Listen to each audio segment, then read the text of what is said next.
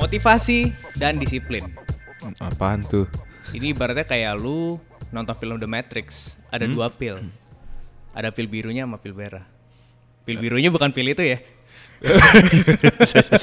bukan pil itu ya. Pil biru. Bukan, Apa bukan itu? Hammer of Toys. Hammer of Thor. I'm Thor, God of Thunder. Bukan.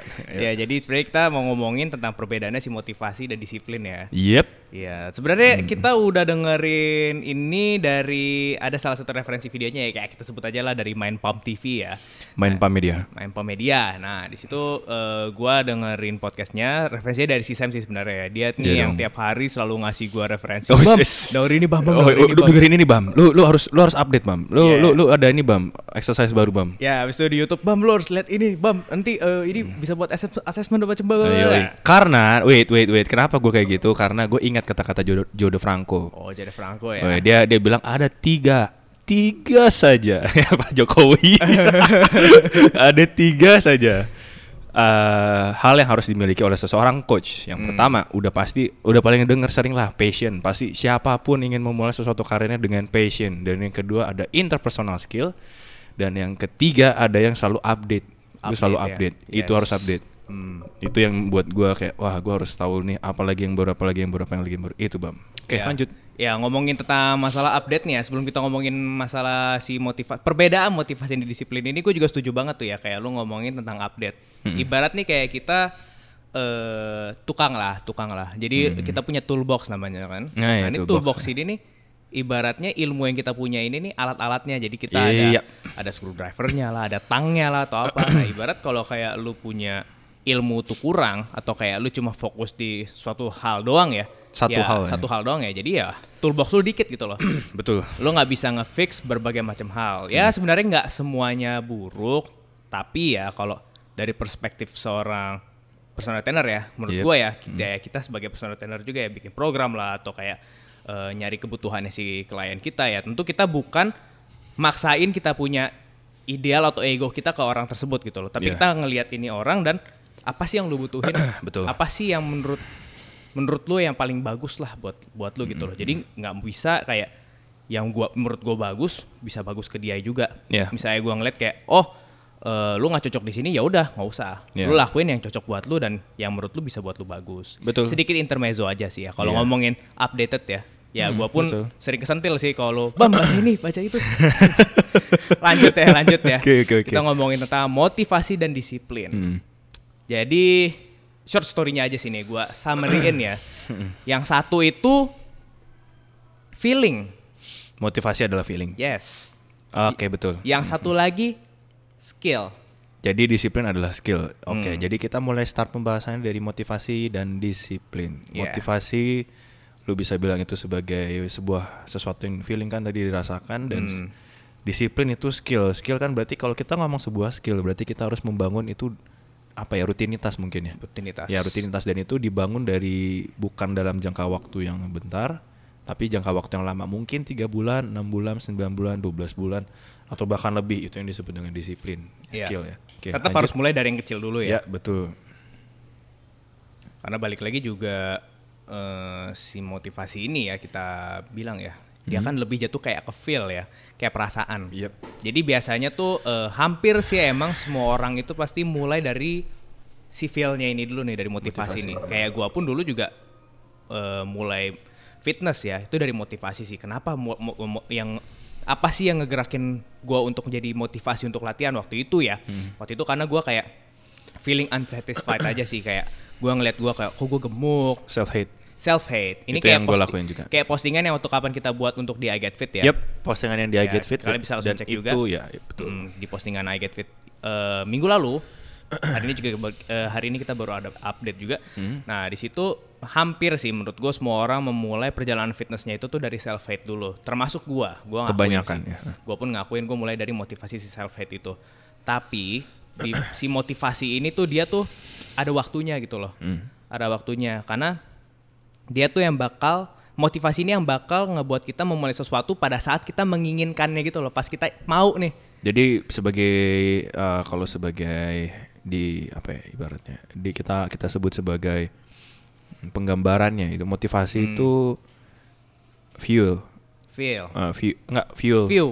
Fuel, bahan bakar. Oh bahan bakar, yes, Ya. yes, fuel. Nah, Oke. fuel buat buat diri lo sendiri tuh kayak ini yang bakalan ngebantu lo dari titik A ke titik B lo akan semakin progres gitu. Ya. Kayak gitu. Mm-mm.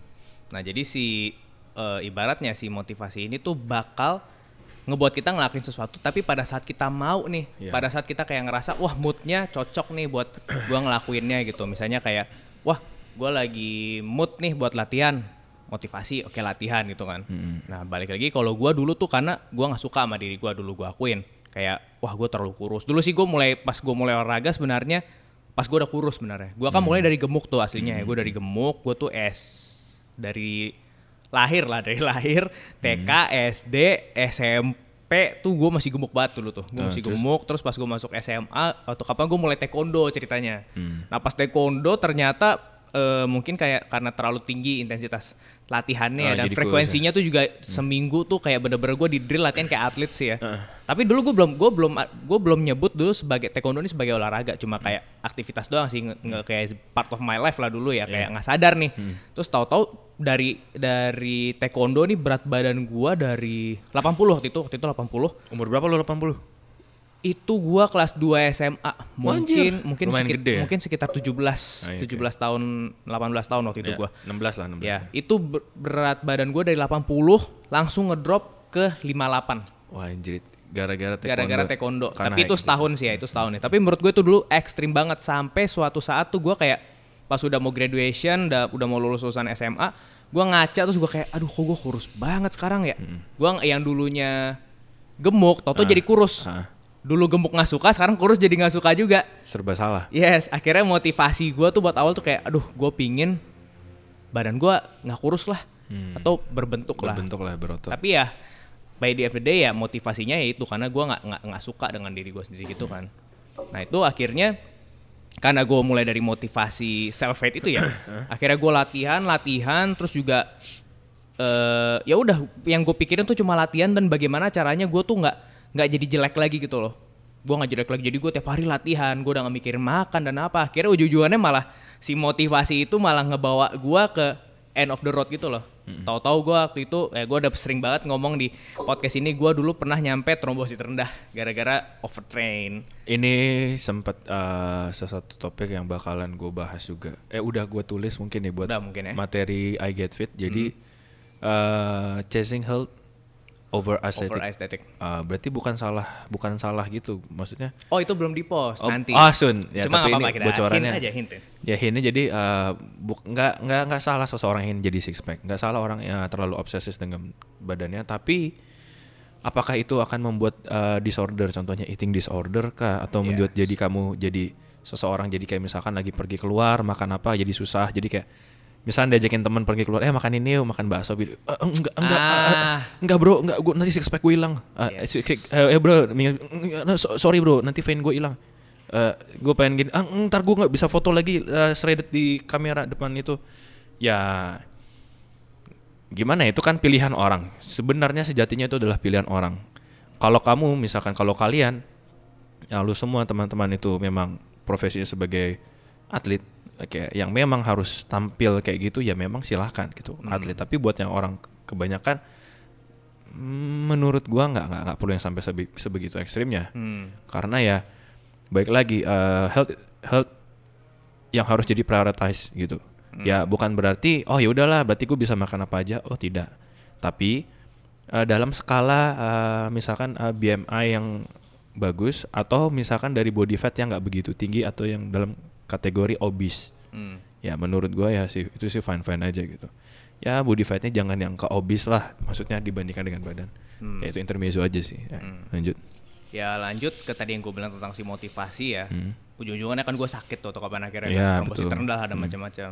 Jadi sebenarnya kayak gue mau kasih conclusion kayak motivation itu bakal berakhir di suatu di suatu tempat gitu loh, bakal berakhir akan di suatu waktu. ya akan akan jadi ya, ada ada titik jenuhnya lah motivasi ada titik jenuh. Atau mungkin eh, ini mungkin jarang terjadi tapi biasanya ya ada yang goalsnya udah ke-achieve nih. Hmm. Terus misalnya udah. misalnya biasanya nih kayak cewek nih ya kayak Hmm, wah gue mau mau mau turunin berat badan nih soalnya gue nanti mau merit wedding dress gue harus Ah, muat iya. gitu kan. Ini yang paling sering kita hadapin ya. Munculnya motivasi-motivasi yang bisa gua bisa gue tangkap tuh gini. Jadi beberapa orang munculnya motivasi satu memang karena self hate.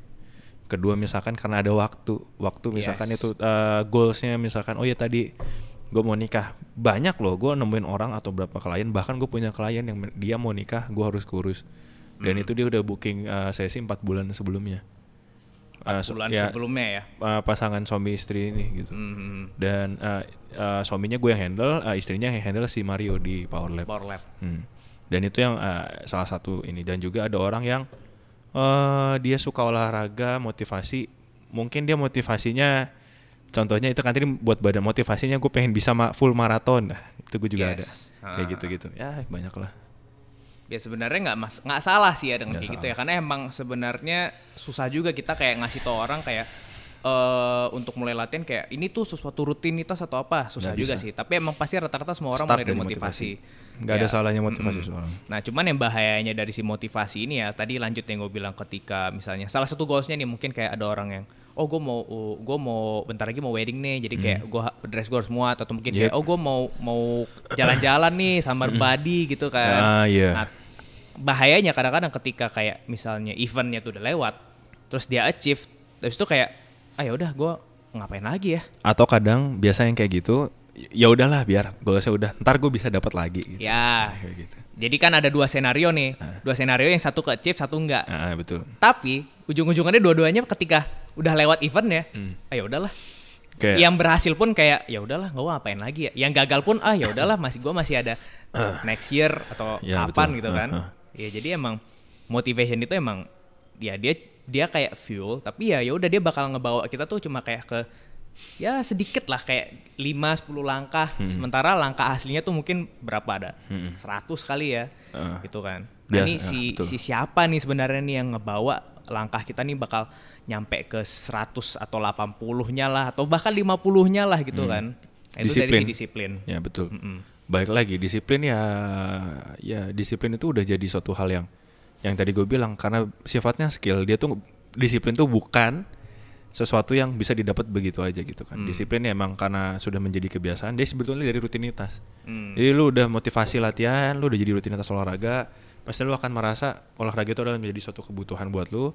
Kayak ibaratnya lu dalam sehari nggak makan sama aja kayak lu dalam sehari nggak olahraga gitu. Hmm. Nah, tapi eh, ini kan ini dari kita ngomong secara teoretikalnya ya. Nah, Iya. secara prakteknya ini dari diri gue sendiri. Gue mau share sedikit. Boleh.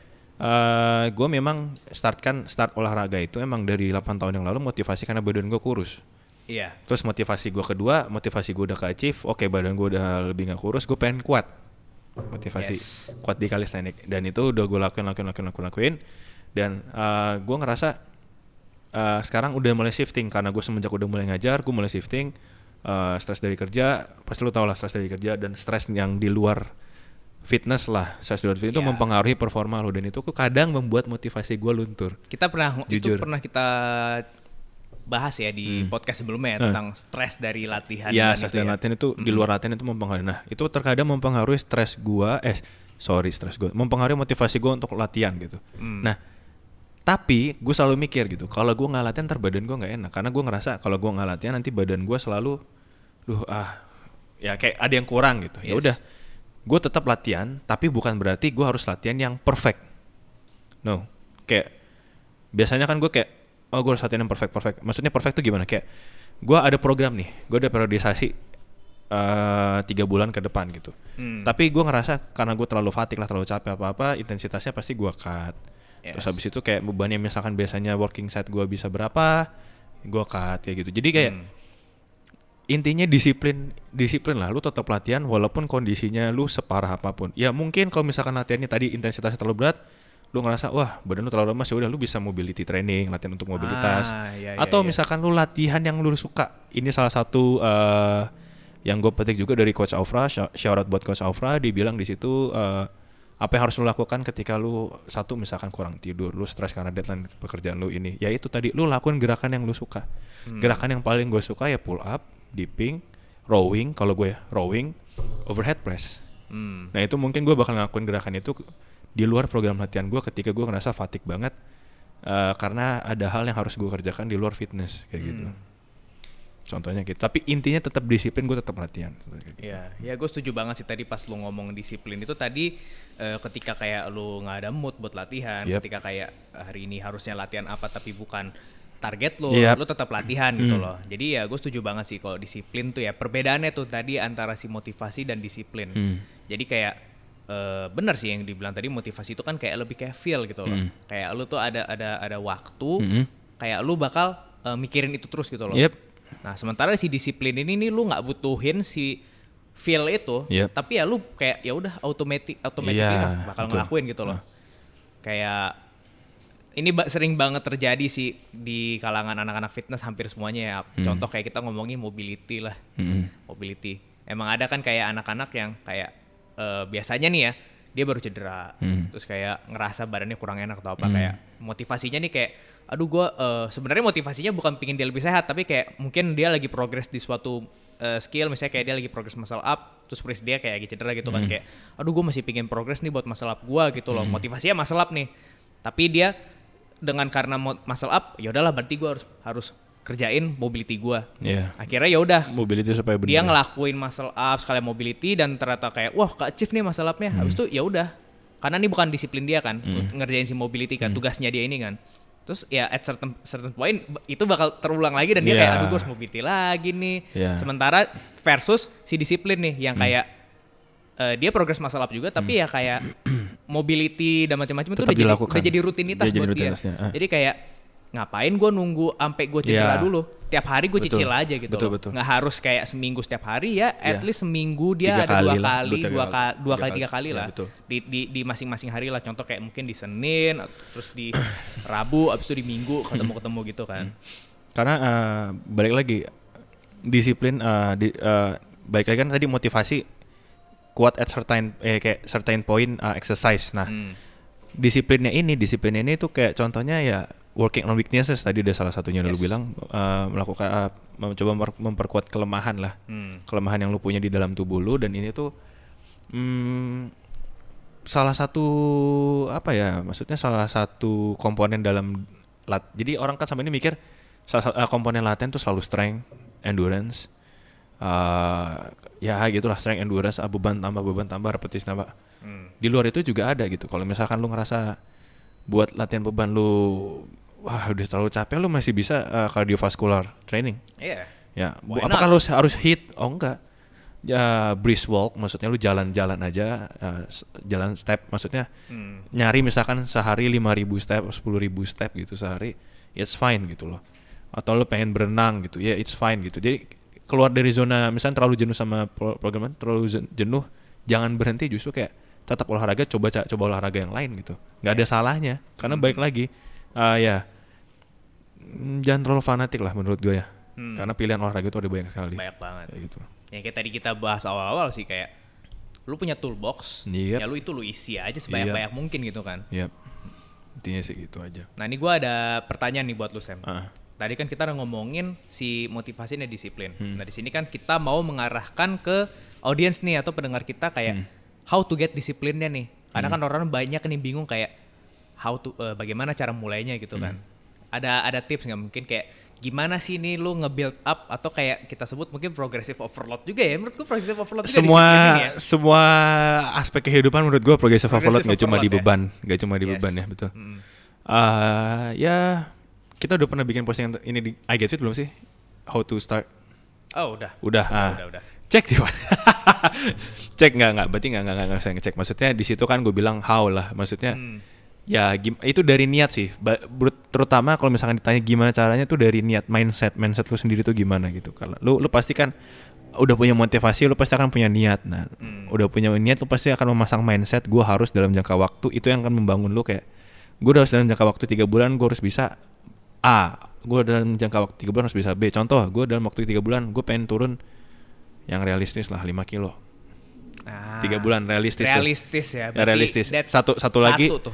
uh, realistis gitu. Itu yang membuat lu gimana caranya. Kayak 5 kilo, start 5 kilo, uh, tiga bulan. Nah, tiga bulan aja tuh sebenarnya udah membangun kalian untuk disiplin dalam setiap hari kalian uh, melakukan kehidupan kan pasti kerja, pagi kerja, terus habis itu lu uh, fitness goal lu 3 bulan 5 kilo, kan pasti kalian "Oh, udah gua harus ke gym nih, ke gym. Karena itu jadi motivasi gue turun 5 kilo. Ya Udah sama 3 bulan itu akan menjadi kebiasaan. Pasti akan menjadi sesuatu yang membuat lu menjadi disiplin sama sama itu, membangun disiplinnya dari situ. Hmm. Kayak gitu. Kalau gue mungkin ada tambahan sedikit ya dari ke view sebagai personal trainer nih. Ya. Kayak misalnya kita ngomongin eh, gimana nih cara ngebuat klien kita yang darinya motivasi doang terus jadi disiplin nih. Kalau gue mungkin ya kayak ngajar orang awal-awal ini mungkin banyak ke applied ke klien baru sih. Hmm. Karena kebanyakan biasanya kalau orang-orang yang lama tuh tanpa mereka sadari sebenarnya udah mulai disiplin Ya, ya. udah mulai. Tapi mungkin masih eh, mereka belum sadar aja kapan mereka harus ngerem ya. Yep. Nah ini gue ngomongin lebih ke orang yang baru mulai latihan sebenarnya. Nah gimana sih cara ngubah sih motivation nih jadi disiplin ya. Kalau gue sih pasti bakal pertama tadi yang lu bilang pertama tentang being realistis. Hmm, realistis jadi eh, dari goalsnya dan bahkan durasinya juga tuh. Misalnya kayak ada kadang-kadang kan orang selalu ngomongin ya paling paling sering ya kayak oh gue mau turun berat badan. Cara cepat. Ya, Nggak habis ada itu habis itu ada lagi kayak setelah dia, oh lu mau turun berat badan berapa? Segini. Habis itu dia pasti mereka pertanyaan berikutnya kira-kira gue bisa turun Berapa badannya lama? dalam berapa Lama, lama? eh, bener. Nah, itu juga waktunya Hmm. harus realistis juga dan ini harus brutal, harus Hmm. brutal banget ya. Gue gue bakal ngomong sebrutal mungkin kayak nggak lu nggak mungkin bisa dapat 10 kilo 10 kilo Yes. sebulan. Yes. Lu bisa Gua- sih, gua tipes bis- tapi. Ya, gue gue bakal jawab kayak gitu. Makanya brutal gue bilang ya. Ini eh, nggak mungkin, tapi bisa-bisa aja. Tapi gue Hmm. bilang nggak mungkin karena nggak gue sebagai trainer nggak mungkin bakal cederain klien gue gitu. Ya, loh. betul.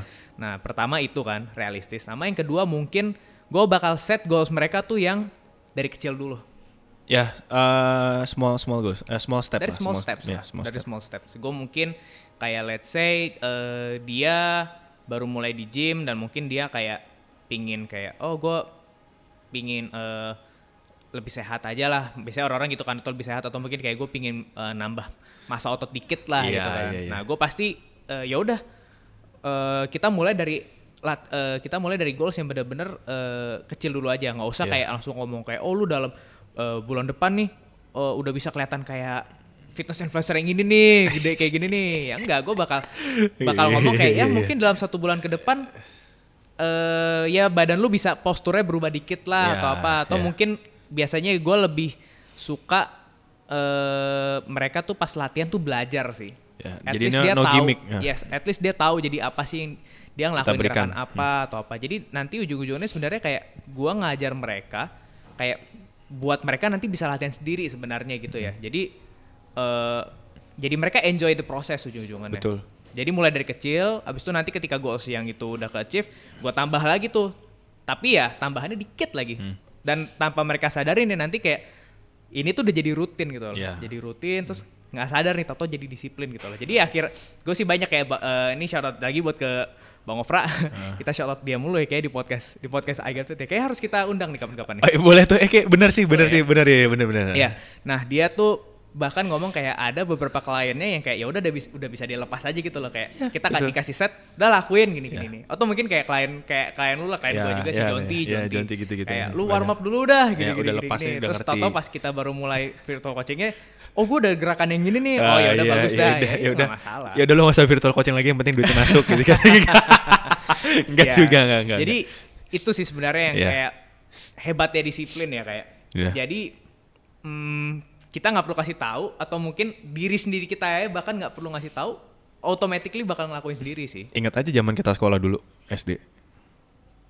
Ya kan, baris berbaris kan, Baris berbaris. baris berbaris gitu kan jadi disiplin kan. Iya, tapi Terus, ya. tapi gua akuin sih sekolah dulu beda, coy.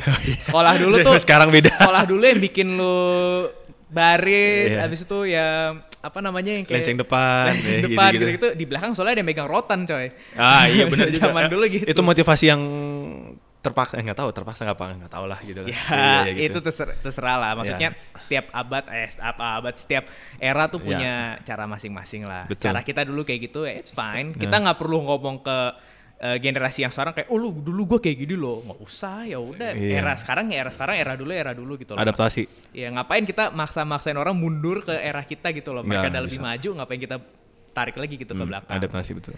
Ya, ya Itu doang ya. seperti itu sih lah ya Nah. intinya dari si motivation dan motivasi dan, Dan disiplin. disiplin. Yang satu feel, yang satu Skill. skill. Ya. Mm-mm. Oke. Nah buat teman-teman yang udah dengerin dari awal sampai akhir, thank you banget. Dan untuk info lebih lanjut, kalian bisa langsung cek di postingannya I Get Fit. Di Yep. apa Instagramnya Sam? Instagramnya igetfit.id ya. iGetFit.id. Kita posting setiap hari Senin, Rabu, Jumat, dan Sabtu. Dan Eh, Minggu. Kamis Minggu. juga dong podcast. Oh ya, Kamis Iya. podcast. Iya. ha-ha. Iya. Hmm. Habis itu bisa follow personal Instagram kita. Lu apa Sam? At Ian Samuel. Ya dan gua at weightlifting. Oh, itu TikTok ya. TikTok. Oh lu main TikTok juga sekarang? ya enggak lah, enggak. Oh, belum, enggak ya? belum, belum, belum. Ya kita mungkin bakal merambah ke TikTok. Habis itu juga bisa follow. Kita juga punya online coaching Sam ya. Yap, Power Power buat Techniques. yang pengen uh, banyak belajar tentang calisthenics ataupun uh, bodybuilding atau strength training, strength conditioning bisa hubungin kita dan juga misalkan one on one coaching berminat bisa langsung kabarin kita. Hmm, standby kita di Muscle Bound. Ya Yes. salah satu sponsor kita dan Hmm. Kalau gua masih ngajar juga di Power Lab dan bisa juga gua ngajar di Bintaro. Bisa di rumah gua atau di Jakarta Selatan. Ya mau di mana aja bisa di Jakarta Pusat lah apalah. Ya kalau misalkan masih tempatnya masih kita bisa jangkau kita bakal datang. Oh ya, dan ada satu lagi nih yang dari kemarin lupa banget gue sebut. Ah, apa? Kita kan ngasih input, kita harus terima output juga dong. Ah iya output betul. Ya, buat teman-teman mungkin yang kayak ngerasa kayak eh, ada masukan nih buat eh, buat apa namanya konten di podcast Oh, iya, atau mungkin siap. kayak teman-teman ada yang mau tertarik nih mau bareng podcast sama kita langsung Iya, aja bisa. drop ya drop, Drop- DM di drop DM. I Get Fit. Atau nggak drop DM atau nggak komen misal di mana gua sama Babang juga bisa Ya, nanti kita bisa bisa drop di personal Ya. Instagram kita Ya, juga. oke, Oke, siap. itu aja sih ya buat Iya. podcast hari ini. Thank you banget guys buat dengerin. Bye. Bye.